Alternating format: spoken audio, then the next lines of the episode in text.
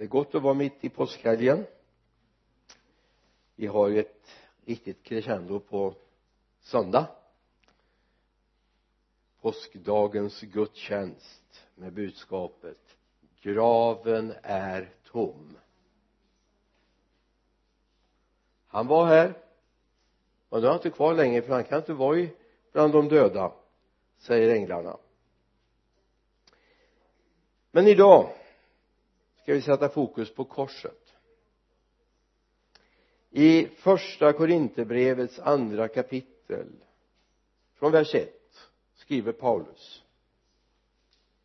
När jag kom till er bröder var det inte med stor vältalighet eller vishet som jag predikar Guds hemlighet för er jag hade nämligen bestämt mig för att inte veta av något annat hos er än Jesus Kristus och honom som korsfäst.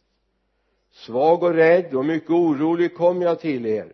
Mitt tal och min predikan kom inte med övertygande visdomsord utan med bevisning i ande och kraft. Er tro skulle inte bygga på människors visdom utan på Guds kraft får jag ta er med ett kapitel tidigare. Kapitel 1 vers 18 där skriver Paulus talet är ordet om korset är en dårskap för dem som går förlorade men för oss som blir frälsta är det en Guds kraft. Korset är Guds kärlekssymbol. Tyvärr har korset i vår tid blivit mer än asocial till eh, klädedräkten. Rätt form, rätt färg rätt storlek så den passar in i klädedräkten. Och inte det korset egentligen står för. Guds seger över ondskan samtidigt möter jag människor som är rädda för korset. Man vågar inte sätta in ett kors i dödsannonsen längre en gång. Utan där är bilar och blommor och hästar och hundar och möjligtvis kan det vara en soluppgång. Samtidigt även här korset är ju tecknet symbolen för att döden är övervunnen. Så det är inte farligt med ett kors. Det är bara tal om att det finns en fortsättning sedan. Det kommer en tid sedan.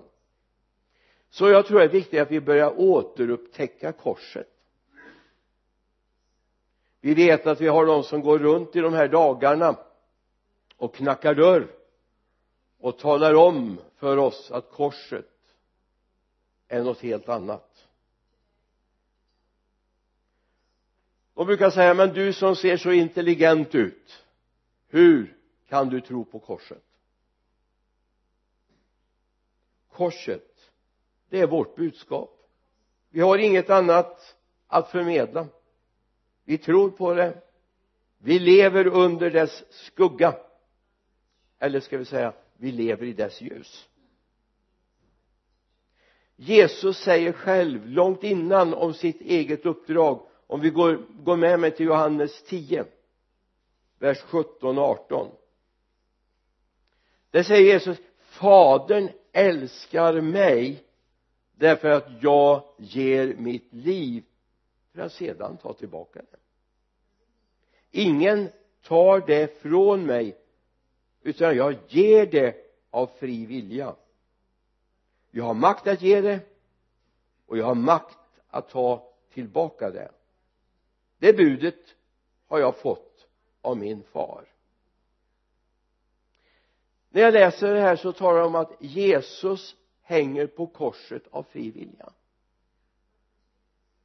Och egentligen kan vi säga att översteprästens tjänare, de romerska soldaterna de var bara Guds marionetter. Det var rätt tid som Jesus levde här. Det var inte en tillfällighet att det var den romerska makten som just då ockuperade det här landet. Därför judarna korsfäste inte men romarna gjorde det. Det var en judisk dom och det var en romersk påföljd därför kan judarna ropa det hade de inte kunnat annars ropa korsfäst honom. Men Jesus ger sitt liv. Om låt oss göra ett litet tankeexperiment att om Jesus inte hade velat dö så jag på att säga då hade han kunnat hängt där än och varit livslevande. Eller han hade kunnat kalla på legioner av änglar som har kommit honom till hjälp. Men han gav sitt liv av en fri vilja för din och min skuld för att vår skuld skulle betalas. Så här säger ju Paulus. När jag nämligen jag hade nämligen bestämt mig för att inte veta av något annat hos er än Jesus Kristus och honom som korsfäst. Jag hade bestämt mig därför han hade förstått han hade fångat in vad korset handlade om. Han förstod att det handlade om framtiden för den här skapelsen. Det handlade om hans möjlighet att få leva. Därför är korset nyckeln för vårt liv. Man brukar tala om nycklar för framtiden och är det någonting som verkligen är nyckeln för våra liv så är det korset. Det är nyckeln som ger mig ett nytt liv. Utan den nyckeln så hade vi levt i fördömelse. Utan den nyckeln så hade du levt med den enda förhoppningen det är att avslutningen av det här livet ska bli någorlunda lindrigt. Och framtiden inte alltför svår. Men vi har fått nyckeln. Jag vet inte om du vet eller känner till hur det är att glömt nyckeln någon gång. Har du varit med om det? Jag var med om det när jag skulle åka hem till min mamma för många år sedan. Bodde i Vargön, hon bodde i Mariestad vi hade inte fått kontakt på telefon. Nu var det inte så farligt som jag gick och inbillade mig här hemma. Hon var ju inte så ung precis. Så jag satt med bilen och körde iväg de där elva milen och så kom jag fram och så kände jag jag har inte nyckeln. Som väl var hade hon en granne ovanför sig som också hade nyckel till hennes lägenhet. Och när jag kom in så satt hon där i all sköns ro och drack sitt kvällste. Och ingen större fara med henne. Men jag hade ju hunnit dra upp tankarna men tänk att få komma där, stå utanför ytterdörren och inte komma in. Tack vare att det kom en granne precis då så kom jag in tillsammans med vår äldste son som var med och ville liksom göra pappa sällskap.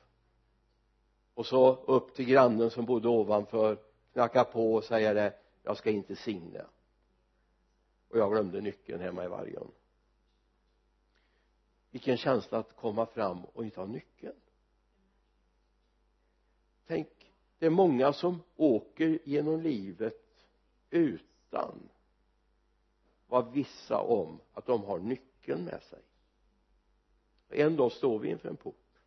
Den enda möjligheten att komma in det är att leva under korsets verklighet.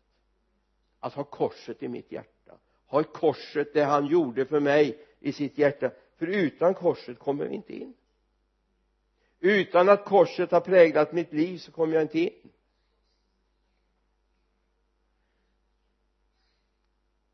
Nu var det inte en nyckel men det finns en berättelse i Lukas 15 från vers 11 finns det en berättelse.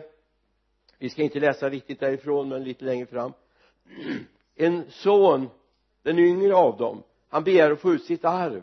Han reser bort, han förslösar sitt arv han kommer till insikt att jag hade det nog bättre som legodräng hemma hos far egentligen. Det vore nog bättre för mig än sitta här och mata svin. Han kommer hem han ber om förlåtelse och ber om ynnesten att åtminstone få bli som en av drängarna där hemma på gården. Men han får full upprättelse och där finns det någonting i den berättelsen, eller två saker i den berättelsen som är väldigt spännande, ja tre egentligen men nu vill jag inte gå igenom alla. Om vi kommer till vers 22 far säger till sina tjänare skynda er ta fram den finaste dräkten och klä honom eh, klä honom och sätt en ring på hans finger och skor på hans fötter och hämta gödkvadden och slakta den. Nu ska vi äta och fira för min son var död men har fått liv, fått liv igen. Han var förlorad men är återfunnen. Och festen började. Jag vill bara fästa din uppmärksamhet på två saker. Han får en ring.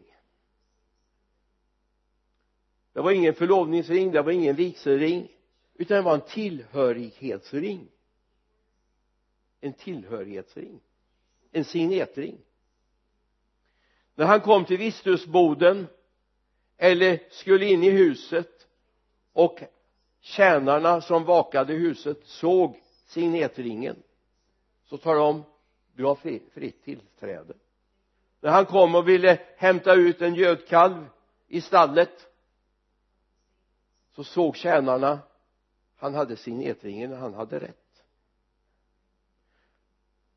Det är liksom han fick nyckeln till allt det som far ägde så är det när korset har kommit över våra liv.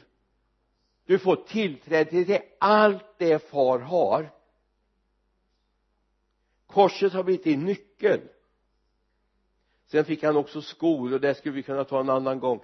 Det handlar om äganderätten. Nu hinner jag inte gå in på det hur man gjorde affärer. Man skrev inte långa kontrakt utan den som sålde en åker han gav den som köpte det sina skor. Och när han hade de skorna på sig kunde han gå ut och säga nu äger jag det här. Han fick skor av far. Han var inte bara han hade inte bara rätten att gå in i visthusboden eller i hemmet. Han ägde det. Trots att han slarvat bort allt sammans. Det är viktigt alltså att vi har nyckeln och vi har fått en äganderätt allt det himlen rymmer alla de löften som finns i bibeln för oss som älskar honom har i Kristus fått sitt ja och sitt amen. Alltså det är ditt. Ett liv i korsets kraft öppnar en ny värld. Jag har fått ett liv. Det är inte bara det att okej okay, Jesus var så snäll och ge mig det som finns. Utan du har rätt att säga far jag äger det här tillsammans med din son. Och det gäller nytt liv gäller helande gäller frälsning och framför allt den dagen jag står vid himlaporten. Då är jag inte nyckellös utan jag får komma in. Han kommer öppna för mig han ser signetringen han ser korset i mitt liv. Och han kommer öppna och jag är välkommen in.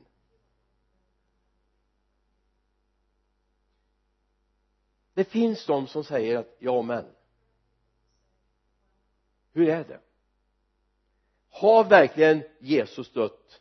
Och ska du verkligen uppstå? Det är de där frågorna som finns.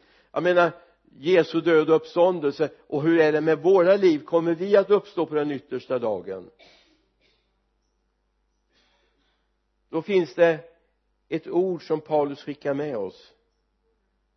Han diskuterade, det var så att det fanns en grupp i det judiska samhället som heter sadduceer de trodde inte på de dödas uppståndelse utan de trodde på ett bra liv här och nu.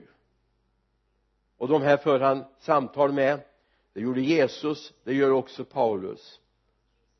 Då säger han så här i första Korinthierbrevet 15 vers 16 för om döda inte uppstår har heller i Kristus eh, har inte heller Kristus uppstått. Men om Kristus inte har uppstått då är den, er tro meningslös och ni har fortfarande, är ni fortfarande kvar i synder. Och i så fall är det som har insomnat i Kristus förlorade. Men det är bara om det bara är för detta livet vi har vårt hopp till Kristus då är vi de mest ömkansvärda av alla människor. Men vers 20 men nu har Kristus verkligen uppstått från de döda som förstlingen av de avsomnade. Det är liksom kontentan av påskens budskap. Men nu har Kristus verkligen uppstått nu har Kristus uppstått. Så vi kan leva i den tron. I första Johannesbrevet så hälsar oss Johannes här och skriver i femte kapitlet vers 11 och detta är vittnesbörd. Gud har gett oss evigt liv. Och det livet är i hans son. Den som har sonen har livet. Den som har sonen har livet. Så utöver att du med korset kommer att få se att dörren en dag när du är hemma hos Gud öppnas för dig. Så är det också ett tecken på att Guds hjärta är öppet för dig. Det är ett tecken på att Gud också har vänt sitt öra till dig och till dina behov. Därför kan Jesus också säga i missionsbefallningens inledning mig är given all makt i himlen och på jorden gå därför ut. Alltså det som han har lovat oss att allt det som finns hos Jesus det har vi rätt till. Så korset och dess budskap är viktigt för oss.